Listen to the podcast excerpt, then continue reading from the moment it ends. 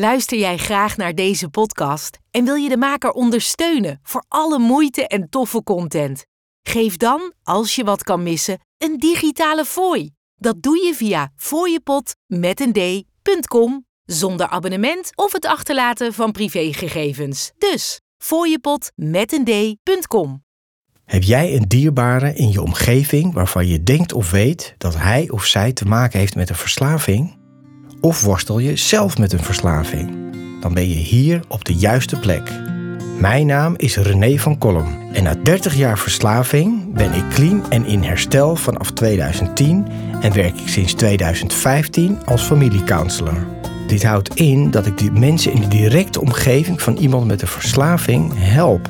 Want als je dicht bij iemand staat die verslaafd is, is het echt belangrijk dat je weet wat je wel en beter niet kan doen.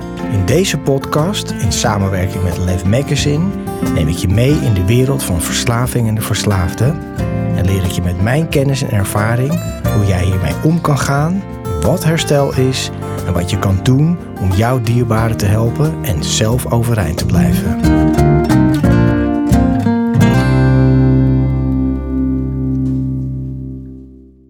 Lieve mensen, welkom bij een nieuwe aflevering van de podcast van Verslaving naar Vrijheid. Mijn naam is René van Kom en fijn dat je kijkt en luistert. En ik zei net al, Timo is mijn gast vandaag en dat vind ik super tof en heel leuk dat je er bent, Timo. Ja, bedankt voor de uitnodiging. Leuk om er te zijn. Heel graag gedaan. Wij kennen elkaar natuurlijk best al heel lang.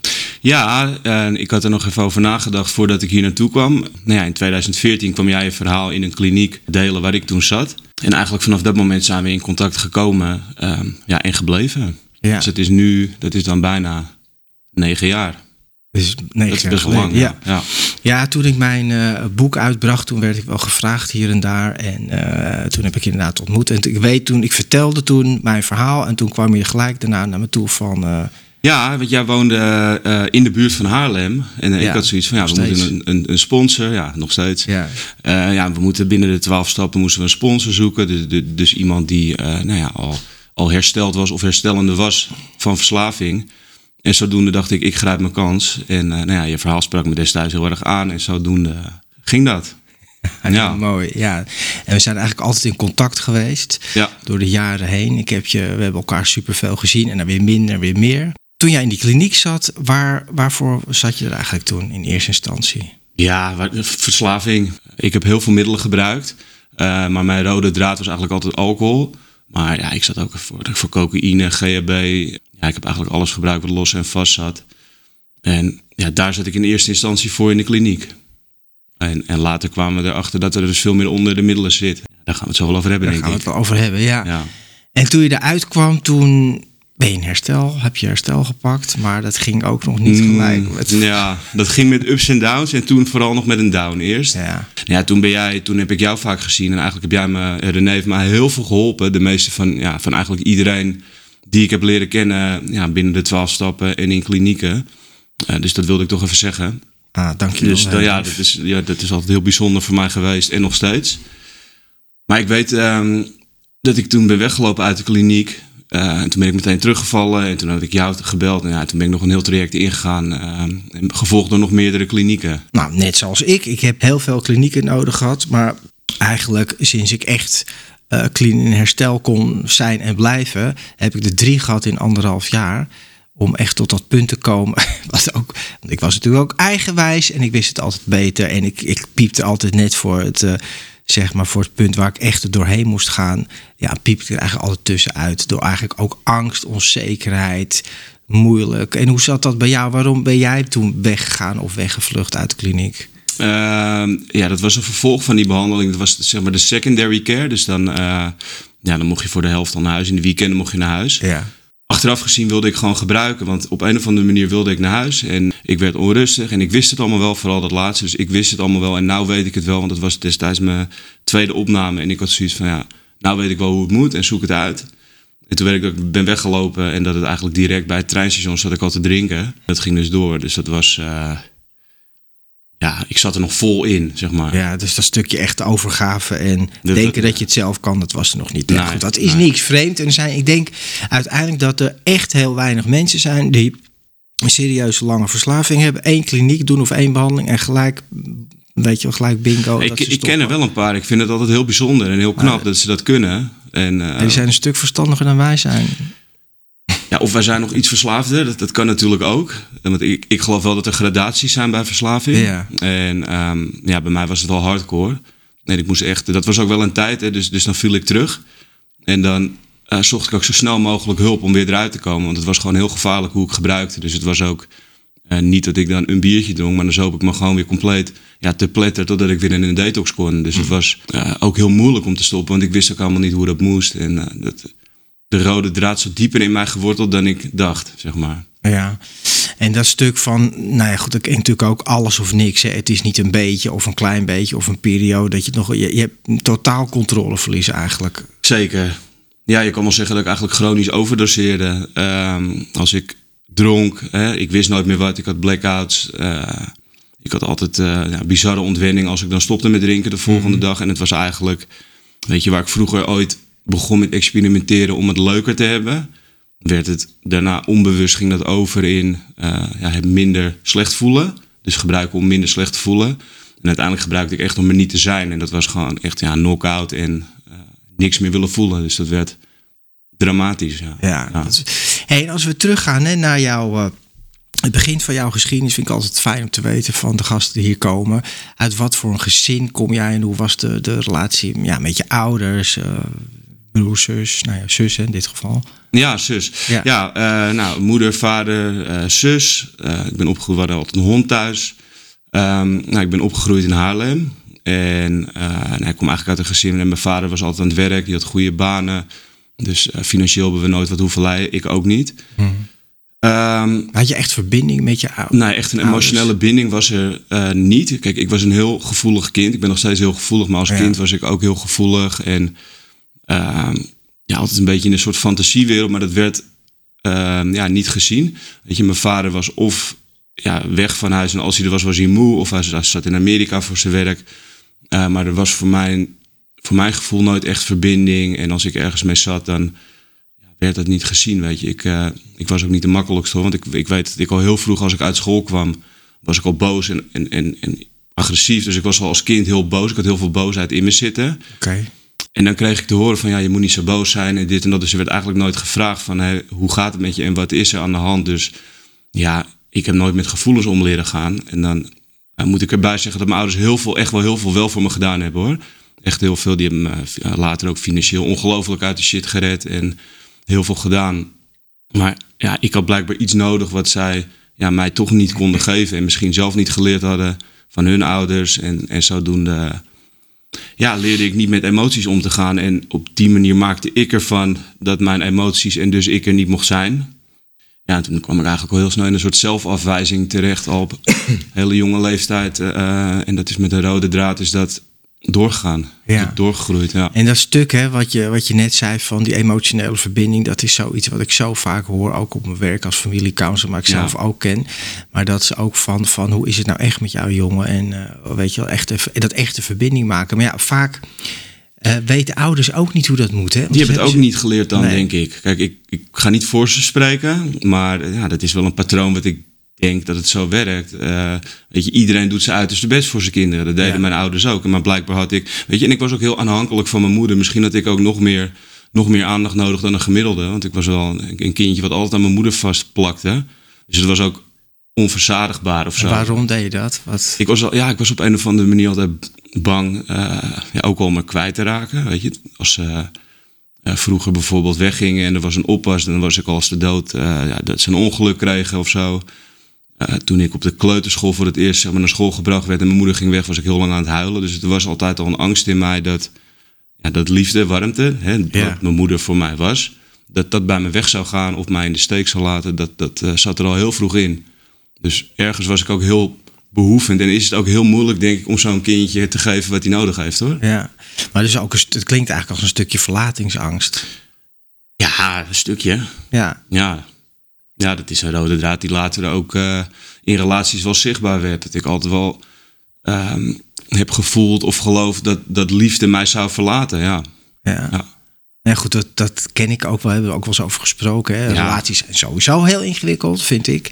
En wie vindt dat niet? Hè? Maar je, want je komt jezelf gewoon heel erg tegen met je eigen dingen.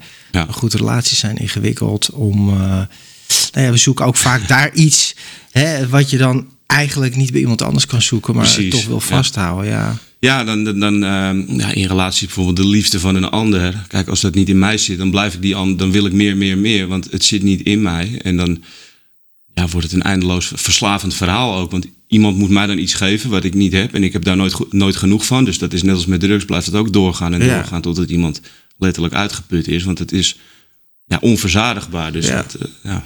Nou ja, ze hebben het. Hè, door je hebt verslaving natuurlijk in heel veel facetten. We kennen natuurlijk de drugs en alcohol, de gokken en de game, de standaard dingen. Maar sporten, daar komen we zo op. Ja. En, en, maar een liefdesverslaving of aandachtverslaving, dat is. Dat vinden mensen alweer gekker of zo, weet je. Maar het komt wel enorm dus, veel voor. Ja, het is enorm heftig ook. Kijk, ik denk dat iedereen het in een bepaalde mate heeft. Hè? En dan heb je natuurlijk eh, van 1% tot 100% dat het 100% heel heftig is. Ja. weet je? Dus ik denk dat iedereen het in een bepaalde mate heeft. Maar bij mij sloeg dat wel, wel echt door. Ja. En dat ging hand in hand met sporten. Dus het was dat de eigenwaarde bepaald werd door een ander of door iets van buitenaf, door aandacht, door complimenten. Nou ja, laat een verslaafde eh, daar nou eens extra gevoelig voor zijn. Zeker nou ja, hoe ik was. Hè. Dus het was bij mij echt niet alleen maar middelen die dingen gedragingen werden eigenlijk alleen maar nog meer zichtbaar zodra de middelen weg waren. Ja, en, wat, wat, wat kwam er dan naar boven? Nou ja, vrouwen, dus aandacht voor vrouwen, sporten. Dus ik was uh, als kind, mijn eerste verslaving was een eetverslaving. Zeg maar op de basisschool, toen was ik gaan emotie eten. Nou, dik geweest, nou, dat heeft zijn littekens zeg maar wel achtergelaten. Uh, in die tijd kreeg ik ook geen, geen aandacht van vrouwen. En vriendjes wel. Dus, dus ik, ik wijte dat aan mijn postuur in die tijd. Weet je. Dus ik was lelijk, ik was niet goed. Nou, dat uh, is een groot litteken uh, nou ja, geworden. En ja, sport en een beter uiterlijk was dan een oplossing. Dus ik kreeg wel aandacht van vrouwen en ik voelde me wel goed en gewenst. En, en eetverslaving, wat... wat um... Vol proppen achter de computer, achter een, achter een spel, ja. Vreten, echt gewoon schransen. Vreten. Maakt niet uit wat, gewoon... Nou ja, ah, ja suikers, suikers. Ja, zijn geen zak met wortelen natuurlijk. nee. Nee, uh, chips en ja, gewoon zo. Ja, ja, maar dat werkt natuurlijk ook zo. En achter, hoe oud was je toen ongeveer? Ja, dat begon al op de basisschool. Dus ik denk, uh, dat, dat, dat was al vanaf mijn negende of tiende begon het al. Ja, best vroeg, ja. Dus zoek, zocht je eigenlijk al die fix van. Nou, en, en, maar er klinkt ook een soort onzekerheid door dat verhaal heen. Hè, van, en ik ken natuurlijk ook langer. Maar hè, dat zoeken, ja, zoeken in alle hoeken. Zoeken in alle hoeken. Ja. Ja, en, en ik heb het letterlijk in alle hoeken zeg maar, gezocht met middelen, gedragingen. En ja, dat. Uh... Ja, hey, en dan, nou ja, dan zeg je van uh, eten en achter de computer zitten. En op een gegeven moment dacht je van uh, kappen ermee, ik ga sporten. Hoe is dat sporten op jouw pad gekomen? Ja, dat is eigenlijk een beetje, dat, dat kwam Um, kijk, ik deed op de basisschool vroeg, ik deed tennis en voetbal. En uiteindelijk heb ik dat overboord geflikkerd omdat blowen destijds belangrijker was geworden. De eerste keer dat ik uh, en dronken was en blowen was ik nou, 11 of 12. Dat was in de overgang naar de eerste. Um, Nog wel heel jong, hè? Ja, heel jong. Slechte ervaringen beide. Dus dan, uh, ja, een tijdje niet gedaan. Ik kreeg ook andere vriendjes. Dus ik ging naar een andere school, uh, naar het Atheneum. En nou ja, daar werd ik eigenlijk... Um, ging ik als enige naartoe van, van de vriendjes die ik van de basisschool had. Dus daar werd, voelde ik me alleen en werd ik ook gepest omdat ik dik was. Nou, daar liep dat echt uit de hand. Um, en dat ging eigenlijk wel door tot mijn 16e, 17e. Toen ben ik. Ik kan me je eigenlijk echt niet voorstellen als dik. En ik ken je eigenlijk alleen maar als een soort afgetrainde spierbundel. Maar... Ja, dat was echt wel. ik, ik woog op mijn vijftiende zonder dat ik ooit getraind had, dus zonder spiermassa te kweken, woog ik 108 kilo. En ja, dat, is dat was, ja, dat is, dat is veel. veel. Weet je, maar ik weet toen had ik ook, eh, ik, ik had ook geëxperimenteerd met andere drugs. En uh, toen ik een keer zeg maar ecstasy had gebruikt met vriendjes, toen durfde ik voor het eerst te praten over, over dat ik niet blij was met mijn lichaam. Dus, dus dat was al wat ecstasy mij zogenaamd opleverde. Um, maar goed, daar ik besproken dus dat ik mezelf dat ik dik was of dat ik mezelf dik vond. En toen zei ze, nou ga trainen. En toen ben ik eigenlijk gaan trainen. Toen ben ik begonnen uh, met sporten en dat uh, deed ik dan door de week. En dan ging ik... Uh, en dan ging je gewoon drie keer of zo, ik zeg maar wat, drie, of ging je gelijk vol gas? Nou, het was in het weekend was ik naar de kloten van de middelen. Ja. En dan zette ik dat recht door de week met trainen, gezond eten en een zonnebank. En dan ging ik in het weekend weer drie dagen door. En dit, hè, wat jij, dat doen echt meer mensen. Volgens mij zeker in die eh, no offense naar, naar uh, krachtsporters en bodybuilding en zo. Maar volgens mij is dat wel iets wat daar vaker voorkomt. Ja, ik deed het wel. Ja. ik deed het wel. Ja. Kijk, het, het, was een soort compensatiegedrag. Hè? Ja. Dus, dus dan ging ik helemaal naar de kloten in het weekend. En later, dan skippen we wel een heel stuk. Was ik ook personal trainer. En dat zorgde er eigenlijk alleen maar voor dat ik meer ging trainen. Um, maar dan moest ik er goed uitzien. Weet je, en daarmee presenteerde ik eigenlijk dat het zogenaamd goed met mij ging. Dus, dus in die tijd had ik dan een wasbordje en zag ik er uh, qua fysiek goed uit. Ja. Hè, dus getraind. En dat was mijn maatstaf van, ja, zie je, het gaat Ja, goed met gaat me, goed want ik zie er Ja. goed uit. En dan, kon, en dan kon ik in het weekend weer vol gas. Uh, ja, dan moest ik alleen weer even vijf keer trainen om dat weer recht te zetten in mijn hoofd. Dat ik me weer oké voelde. Maar hoe ga je trainen? Want Dan ga je maandag trainen, denk ik, als je het weekend behoorlijk hebt ja, als het even tegen zat, pas dinsdag. Je moet even bijkomen. Toch, wat ik bedoel, als ik vroeger gebruikte, nou, dan had ik echt Ja, geen... toen kon dat nog. Weet je, dat Ja. is. eh, dat werd, naarmate ik wat ouder werd, werd het ook minder hoor. Want zeg maar tot, eh, weet ik Ja, je was twee- toch, je was was heel jong. Ja, ik was heel jong. Kan je wel een stootje hebben, ja. Dus, dat, dus, maar goed, dat neemt niet weg dat er dan al een uitputting in gang wordt gezet. ja. En, en wat deed krachttraining, hè? want we hebben het over krachttraining, bodybuilding, toch? Ja. Krachttraining. Ja. Ja, ja, body, ja in principe is het, Ja. bouw je je lichaam. Dus Ja. is het bodybuilding. Ja, het ging er wel over om. eh, het was niet om gezond te zijn. Nee, ook niet voor de goede conditie. Het Nee, ging gewoon nee, toch om je zelfbeeld op te... Ja, Ja. het ging echt om de spieren en, en eh, hoe daarop gereageerd werd, vooral door de buitenwereld. Ja, en Maar dat zag ik later pas. Vooral door het vrouwelijk geslacht. Ja, in mijn geval wel. Ja, ja. ja. Maar wat, wat, wat deed dat dan voor je? Wa- Want dat, eh, ik, vind, ik hoor ook meer die hele lijn van je verhaal. Ik moet je zeggen, ik ken je al jaren, maar ik hoor nu toch nieuwe dingen. Ik vind het eigenlijk wel super tof om te horen. Ja. Serieus. Die hele, eh, van dat wisselen van dingen. Eerst met eten en achter de computer en dan sporten. Om dat, die leegte eigenlijk ook maar wel op te vullen. Ja, ehm, ja het, het sporten was. was ehm, kijk, ik voel mezelf omdat ik dik was geweest. Ja. En, en ja, eigenlijk was ik dat in die tijd al lang niet meer. Eh, kijk, ik zag el, zeg maar, ja, bij mezelf zag ik ieder vetje zitten. En dan kan je bijna zeggen dat het, ehm, het sportprobleem, hoe ik dat had. Hè, want je hebt natuurlijk hardlopers die Ja. sportverslaafd zijn aan de endorfines en de dopamines. Bij mij was dat een heel ander verhaal. Eh, bij mij was het eigenlijk, had het denk ik meer overeenkomsten met een soort anorexia. Hè? Dus, dus iets heel anders zien in de spiegel. En als ik dan een patatje had gegeten, dan zag ik letterlijk dat ik dikker was geworden. Nou, dat slaat nergens op, want dat zie je niet. Dus dat, Dat is echt één projectie van, Nee, van, van de binnenwereld, hoe ik dan over mezelf dacht. Ja, Ja. Je was verslaafd aan de spiegel. of, ik ont, of ik vermeed hem, Ja. of, eh, ja, of ik zat erin te kijken omdat het zogenaamd allemaal goed eruit zag. En ja, wat deed het? Kijk, ik merkte ook dat vrouwen daar goed op reageerden als ik er zo, Ja. zo uit. En dat was een, misschien, misschien wel een bepaald type vrouw, maar dat was in die tijd. Merkte ik, hé, hey, er kijken mensen naar me, ik krijg aandacht, ze vinden me leuk, ik, eh, ik neem er een mee naar huis, et- Ja. et cetera. En dat eh, gaf voor mij destijds een gevoel dat, het, dat, het- ja, dat ik oké was. Dus daar haalde ik een soort liefde uit, dacht ik. Ja, maar dat is het natuurlijk. hè? Dacht ik, ja. En hoe, hoe wordt zoiets dan een, ja, een sportverslaving? Klinkt ook als een obsessie natuurlijk. Hè? Van, Het is, een, het, is een, het is net als drugs. Een obsessie, alleen is het nog meer op, op het zelf gericht, denk ik. Maar ja, drugs is ook natuurlijk heel erg op het zelf. Het, het, het is een zelfobsessie. ja, Dat is sportverslaving, in ieder geval hoe het voor mij was wel. ja. Ja, En dan is het, hè, je zegt dan in de spiegel kijken. En want ik kan me ook voorstellen dat het dan, dat merk ik al in mijn eh, iets oudere lichaam. Maar eh, ik heb dat ook wel met een moment gehad. Als je dan sport en je ziet dan, nou, dan komen wat spieren en zo. Dan, ja, dan krijg je ook dat gevoel van het moet meer en het moet beter en het moet sterker. En eh, ik bedoel, ik ben al dat punt lang voorbij. Het heeft geen zin meer voor mij, maar gelukkig maar. Maar dat is dat wel zoals het werkt, hè? ja zeker. En toen ik na een tijdje, en dat, dan zijn we vier of vijf klinieken wel verder, dat ik ook stopte met drugs, zeg maar. Dus dat ik daar echt vanaf was.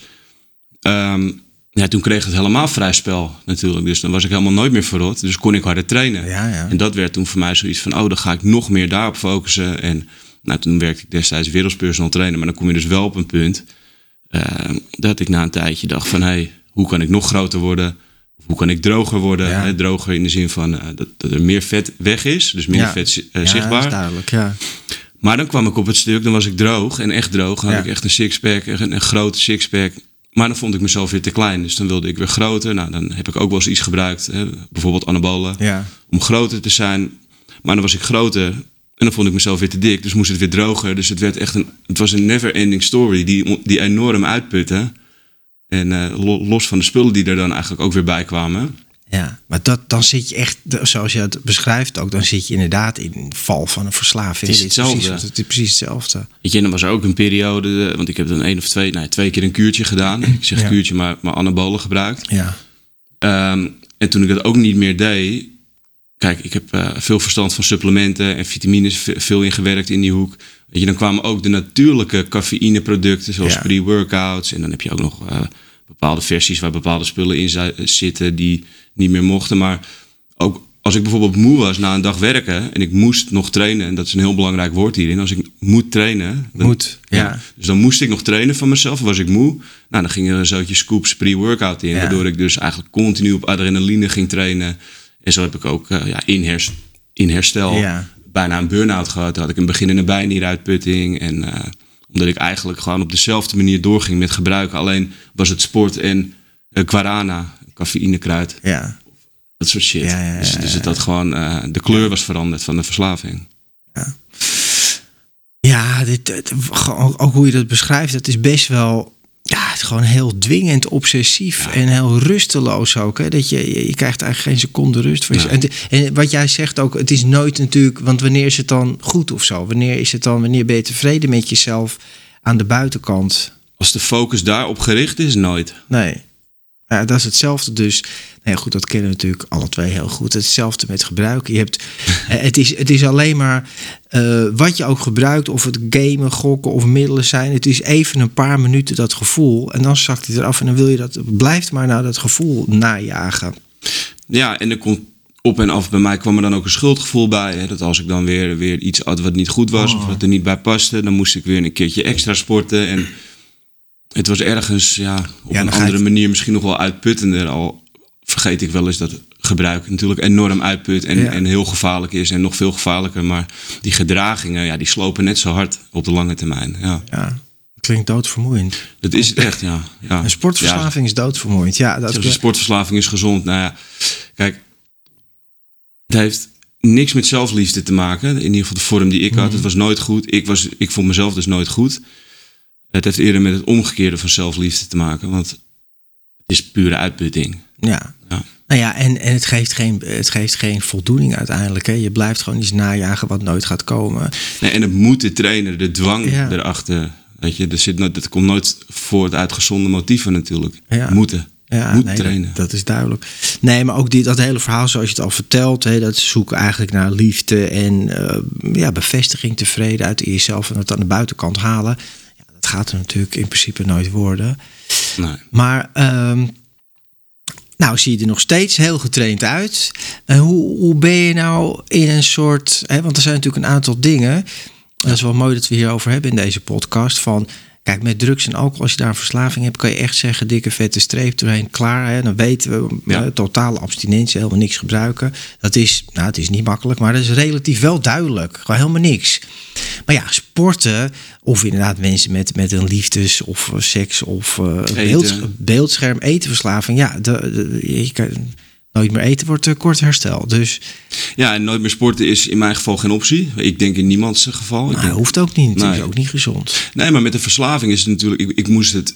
Kijk, bij ja, wat jij zegt, hè, met middelen zeg je nee. Ja, En dat is al moeilijk zat, maar dat is gewoon nee. ja het is wel Dus je- duidelijk. ja. Dus, dus hier moet je gedoseerd gebruiken. Als, als sport dan het middel is geworden, moet je dus gedoseerd ermee om leren gaan met een verslavende gedraging. Nou, ik heb eh, helaas een heel zwaar ongeluk eh, gehad, ja. Eh, maar die was wel nodig. Eh, daar ga ik verder nu niet veel over Nee. uitweiden, maar die was nodig. En eh, nou ja, ik heb 2,5 jaar, drie jaar niet zonder krukken kunnen lopen. En ik heb nou ja, permanente schade in mijn lichaam. Maar wat ik daar heb geleerd is dat mijn lichaam. ja, eigenlijk waar het echt om gaat met het lichaam. Dus, dus dat hele getrainde lijf wat ik toen had, brak alsnog in negen stukjes. ja. Ehm, en ik heb daar eigenlijk, ja, heb ik mezelf in die periode daarna ben ik, ik ben wel gaan trainen, maar meer om mijn lichaam dus sterk te krijgen. En ik ben het ja, wat anders gaan bekijken. Eh, ja, en er anders mee omgegaan. Sindsdien eh, ja, train ik eigenlijk om sterk en fit te blijven. Tuurlijk moet ik opletten hoor, want eh, ja, dat je niet doorschiet. Nee. Ja. maar, ja. maar ik gebruik absoluut geen cafeïnespullen meer voor het sporten. Nee. Weet je, dat soort dingen kan ik nee zeggen. Dat is gewoon Ja. net als met drugs. Gewoon, dat werkt voor mij niet. Want dan ga ik toch weer meer nemen of, of inschuiven van naar iets sterkers eventueel. Maar ik train bijvoorbeeld niet als ik moet trainen van mezelf. Ik kijk echt of ik wil, Ja. of ik Of energie je zin over heb. gewoon. Ja, ja, of sport. ik energie ja. over heb. En, en Ja. tegenwoordig kan ik ook, als ik, soms ga ik er wel eens heen. Dan doe ik een bakje koffie daar met iemand en dan peer ik hem weer. Omdat ik gewoon geen zin heb. En dat had vroeger absoluut niet gekund. Ja.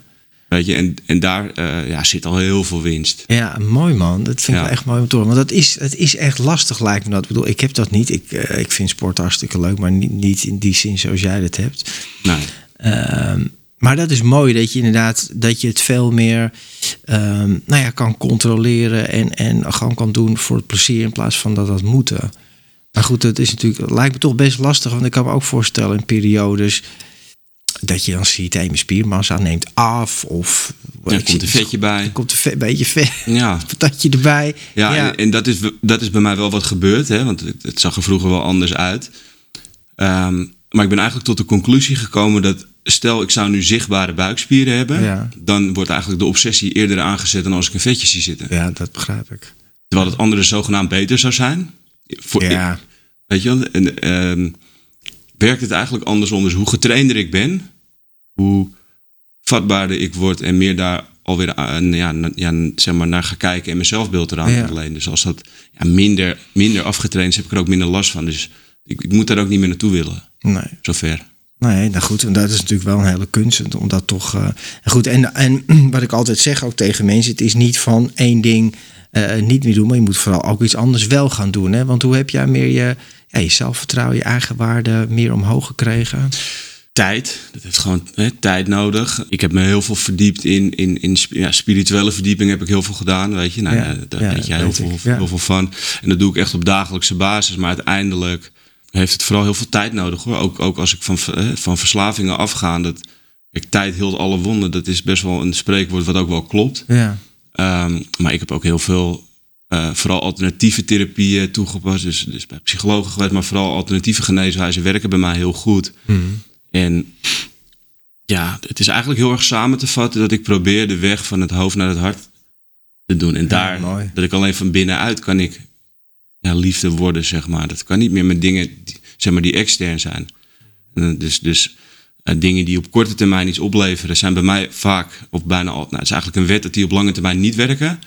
Dus, dus eh, ja, het, is, het is meer de dingen omdraaien. Dus dingen die op lange termijn iets opleveren, zijn nu afzien. Of dat is zeg maar op korte termijn afzien.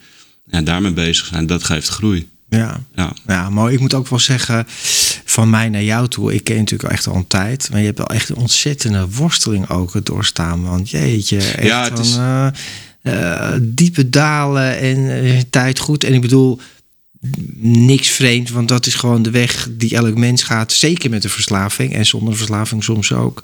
Hè, maar voor ons is dat gewoon, voor mij is dat ook niet anders geweest. Maar ik vind het wel heel knap dan hoe je hier nu bent. ja dank je. Ja, ja, en wat je zegt, hè, soms dan ging het inderdaad een keer twee jaar goed. En ehm, nou ja, dan eh, was er blijkbaar iets wat nog, wat nog niet goed ging. Dus toen ben ik nog gigantisch op mijn bek gegaan en teruggevallen. Met het ongeluk tot gevolg. Nou, dat Ja. was natuurlijk drama. Dat, dat, dat Ja. was echt heel heftig. Die revalidatie die duurde heel lang. Nee, ging dat heel veel grapje. meer. Nee, dat was echt geen grap. Maar goed, dat was wel nodig. Want Is dat jouw breekpunt geweest? Nee. Het, nee, het klinkt, weet je, vaak is er. Een, mijn, eigenlijk was mijn breekpunt in 2014 dat ik. eh, ja, ik had een personal training bedrijf toen en toen had ik een eh, bedrijfsbus. En mijn ouders hadden me daar toen geld voor Ja. geleend. En had ik het weer helemaal verkloot, dat ding totaal losgereden. Ehm, ja, ik was gewoon heel erg naar de kloot van gebruik. En toen wist ik al van, hé, hey, dit gaat niet meer. Maar dat betekent niet dat.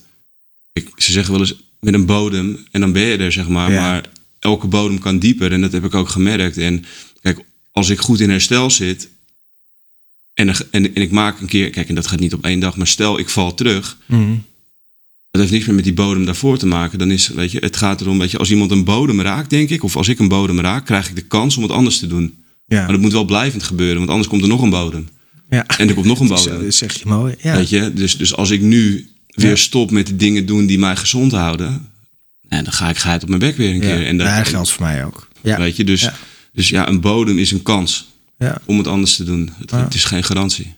zeker niet. Mooi. Nee, maar goed, dat geldt natuurlijk voor mij ook. Weet je, het, het is, eh, en voor iedereen, daar noemen we het ook in herstel zijn van. Het is niet van ik ben ex-verslaafd, ik ben gestopt, een probleem is opgelost. Was het maar zo, dan had deze hele podcast waarschijnlijk nooit opgestart. niet- nee, is het niet nodig. Maar zo is het niet. Mensen vallen terug. ik heb laatst nog. eh, een andere podcast. 40 tot 60 procent met de mensen met de verslaving, in welke verslaving dan ook, vallen daarin terug. Ja. Met, met- ja, zo gaat het gewoon. Dus dat is, weet je, en wat jij zegt, eh, dat is wel mooi. We hebben steeds die momenten nodig. En in ik ook, eh, in gedrag en in leren van, oké, nou dat is toch niet handig, heb ik niet goed gedaan, lopen we ergens tegenaan en weer door. Dus dat, dat is wel zeg maar het lot wat wij hebben als mensen met de verslaving. Dat je kan niet eh, een beetje sussen en half in slaap vallen en maar wat doen. Dat gaat gewoon niet. Je moet altijd wakker blijven. Nou ja, het is precies. En het is verandering, weet je. Maar alles moest veranderen bij mij. Mijn gedrag, mijn vriendenkringen, mijn imago, weet je. Want ook al was ik eh, eigenlijk gewoon een junk... haalde ik daar nog wel een bepaald imago uit. Weet je, maar dat moest allemaal anders. Dus eigenlijk was het alles afleren. En ik gebruikte dan vanaf mijn twaalfde. Dus ik had niks goed aangeleerd. Hè, maar ik Ja. wist niet hoe relaties moesten. Dat ik eh, scheef aangeleerd. Ik wist niet hoe ik een baan moest bouwen. Ik wist niet hoe ik moest voelen. Ik wist eigenlijk helemaal niks. En ja, kijk, afkicken, clean worden, dat is allemaal heel leuk. Maar wat komt er dan naar boven? En, en dat Ja. is herstel. En ik moest echt wel alles veranderen. Want ik ben wel in zijn totaliteit. En dat het gaat nog door hoor, jaren. Misschien levenslang. Waarschijnlijk gaat het door die verandering. Maar hoe ik vroeger was, het is niet te vergelijken met hoe ik nu ben. En dat was ja, heel hard werken. En soms kijk ik, ik, ik, ik keek bijvoorbeeld gisteren terug. En dan, dan zie ik pas hoeveel er eigenlijk veranderd is. Maar dat is voor mij wel nodig. Ik kan niet een beetje veranderen. Dan gaat het weer fout. Ik Ja. moest echt alles anders doen. En ja, anders is er geen kans op herstel. Ja, dat is En blijvend dus, hè? Ja, nou ja, goed. en Jij bent ook hè, de twaalf stappen. Je hebt meetings gevolgd. Doe je dat nog? Af en Ik toe? doe het wel, jawel, Ja. jawel. Eh, minder. Ja. Eh, maar eh, ik ken jou eigenlijk vanuit die hoek. Hè. Dan, Ja. dan wel een kliniek, maar dat is een 12-stappen kliniek. Dus dat, dat, Ja. dat is dezelfde hoek. Heel veel vrienden van mij, goede vrienden, die ken ik nog steeds uit die kringen. Dus het heeft me ongelooflijk veel opgeleverd. En het is zeker de basis geweest en nog steeds om, om clean te leren leven. En praten over gevoelens en verbinden met mensen. De 12 stappen is natuurlijk een waterdicht programma. Ja, Alleen is de intensiteit dat ik naar meetings ga wel veranderd. Maar ja, maar dat is toch prima. Maar je Ja. doen wat nodig is. Ja, nou goed, dat heb ik zelf ook. Eh, Dat, dat komt en het Maar- gaat. Als ik denk, ik wil er weer naartoe gaan. zonder was het me niet gelukt hoor. Dat, Nee. dat is wel echt eh, de basis. Nou ja, goed, en dat zeg ik ook tegen iedereen. Ik ben de eerste jaren ben ik gewoon echt zoveel mogelijk gegaan. Elk moment dat ik dacht, oh, ik zak weer Ik weet weg. nog wel hoe vaak je dat tegen mij zei dat ik daarheen moest. Ja, jongen, je moet gaan. Nee, want weet je, in je eentje, je eigen hoofd, op je kamertje, het gaat hem gewoon niet worden. We, Nee. we zakken gewoon weg en het geldt niet voor ons, het geldt voor iedereen. Je komt er in je eentje gewoon niet uit. Maar als je eenmaal die conditie hebt en je begrijpt hoe het werkt, ja, dan kan je, kan je dat op, op je eigen manier anders gaan doen. Nou ja, op de, de manier, niet op je eigen manier. Ja, en het is natuurlijk heel fijn om daar ook mensen te ontmoeten die een soort gelijk verleden hebben. Dus, ja, dus precies. weet je, maar er Ja. zijn uiteindelijk nu, kijk, toen had ik dat absoluut niet, want ik had niet voor mij gezonde vrienden, weet je. Maar nu kan ik ook eh, gezonde vrienden leren kennen en vrienden maken die niet dat verleden hebben, maar die wel goed voor me zijn. Maar die had ik vroeger niet. Dus het was voor mij echt wel een anker om op terug te vallen van, hé, hey, waar kom ik mensen tegen die nu voor mij goed zijn? Weet je, en dat had ik dan op meetings. Ja. Maar ja, dat, het is gewoon heel belangrijk om dat contact te op blijven onderhouden met Ja. gewoon gezonde mensen. Ja, Hey, en je hebt ook een boek geschreven, Ja. wat best wel recentelijk uit is. Hoe lang is hij nou uit? oktober 2022. Eh, het verhaal achter mijn blauwe ogen. Ja, het verhaal achter mijn blauwe ogen, Timo Eigels. Je kan het bestellen via jou. Ja, via mijn website uh, www.timoeigels.nl, maar ook via bol.com en uh, ja, eigenlijk overal op internet is hij wel te vinden. Ja, en ehm, nou, je hebt, ik heb stukken gekeken, maar ik ken natuurlijk jouw verhaal ook best wel goed. Uh, uh, je hebt echt wel een hele rauwe, keiharde versie neergezet, hè? Ook Ja. van een hele donkere periodes, dat het helemaal niet goed ging. Het is geen, uh, Nee, het is, uh, het is geen pretje. nee, Nee, nee, ik heb hem inderdaad heel rauw geschreven. En um, ik, ik zat er vandaag toevallig over na te denken. Als ik nu een boek zou schrijven, was hij heel anders geweest.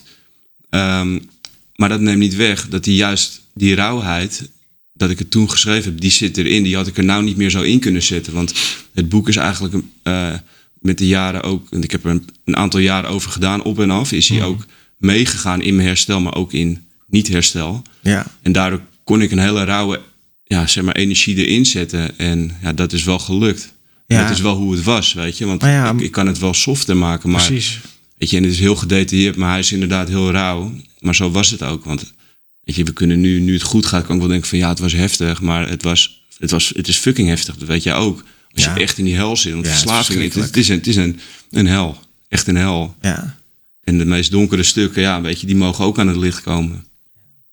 Nou, ik vind het heel knap dat je het opgeschreven hebt. Inderdaad, juist, kijk, een, een mooi eh, verhaal van als je een paar jaar verder bent. Maar je hebt het echt geschreven toen je er ook nog meer in zat. Ja. Hè, En, en, Op en af. op en af, op en af. En dus dat is, dat is wel een heel, als je wil weten wat echt verslaving is en hoe het voelt en in welke hel je terechtkomt, bestel dat boek. Krijg je geen geld van, maar het is wel, wel, ik gun het wel iedereen om te weten wat het is en waar je vooral niet naartoe wil. Maar ook dat je er toch bent uitgekomen. Want ik moet zeggen, ja, je ziet er super goed uit. Ik heb je een tijd niet zo gezien. Ja, dankjewel. Je bent heel, ja. ik zie echt verschil bij je. Ook de, eh, ik kan me ook herinneren, de onrust, wat Ja. ik zelf ook ken. Want verslaving is zo'n onrustige toestand. Ja, en er zat natuurlijk heel veel boosheid bij mij. En dat kon dan wel op de achtergrond. Weet je, maar dat zie je waarschijnlijk toch aan iemand. Als het, ook al zit dat op de achtergrond, je ziet de boosheid achter iemands ogen, zie je het zitten. Ja, Weet Ja. je, en, en er is veel meer rust nu, ja. ja, Ja. dat weet ik ook nog wel. Ja, dat zei je ook wel eens van, eh, was je gestopt of wat dan ook. En dan had je echt zin om eh vol gas... Ja, maar dat, dat, is, dat is wel wat er zit. En daarom heb ik het ook in het boek gezet. Want ik voelde me soms best wel, best wel ja, knettergek eigenlijk. Hè. Dan was ik bijvoorbeeld clean en aan het afkicken. En dan was ik een paar maanden in herstel. En dan kwam er zoveel woede omhoog. En het was zo duister dat ik het eigenlijk met niemand durfde te delen. Weet je, ik denk van jezus, als mensen dat horen, sluiten ze me op. Zoveel agressie en haat. Maar dat was wel wat er in mij was gaan opstapelen. Wat ik altijd had weggedrukt. En weet je, die boosheid, ja, die moest eruit middels ja, heel veel huilen. En, en, en het is eigenlijk opgestapeld verdriet. Ja, dat is waar ik niet mee uit de voeten kon. Frustratie, ja. frustratie en heel veel pijn. En nou, dat is herstel, is ook trouwens vooral. Eh, dat is die shit opruimen die er zit. En eh, in mijn geval was het heel veel woede, maar eigenlijk dus heel veel pijn en verdriet en eenzaamheid. En ja, daar moest, moest ik doorheen. Maar als, als mensen vragen wel eens waar heb je het meest spijt van, dan is het de mensen die ik erbij betrokken heb in mijn Ja. leven. Weet je, wat ik allemaal deed, dat is dan, oké, dat, dat deed ik dan. En het was he- natuurlijk heftig voor mezelf wat ik meemaakte. maar de mensen die het meest dichtbij stonden, die het beste met me voor hadden, dat ik die erin meesleep. En dat is waar jouw podcast natuurlijk over gaat. Dat vond ik wel, ja. vind ik nog steeds wel moeilijk. Ja. Ja. Ja, goed, dat dat moet ik zeggen, dat heb ik ook. En dat had ik dit weekend ook nog.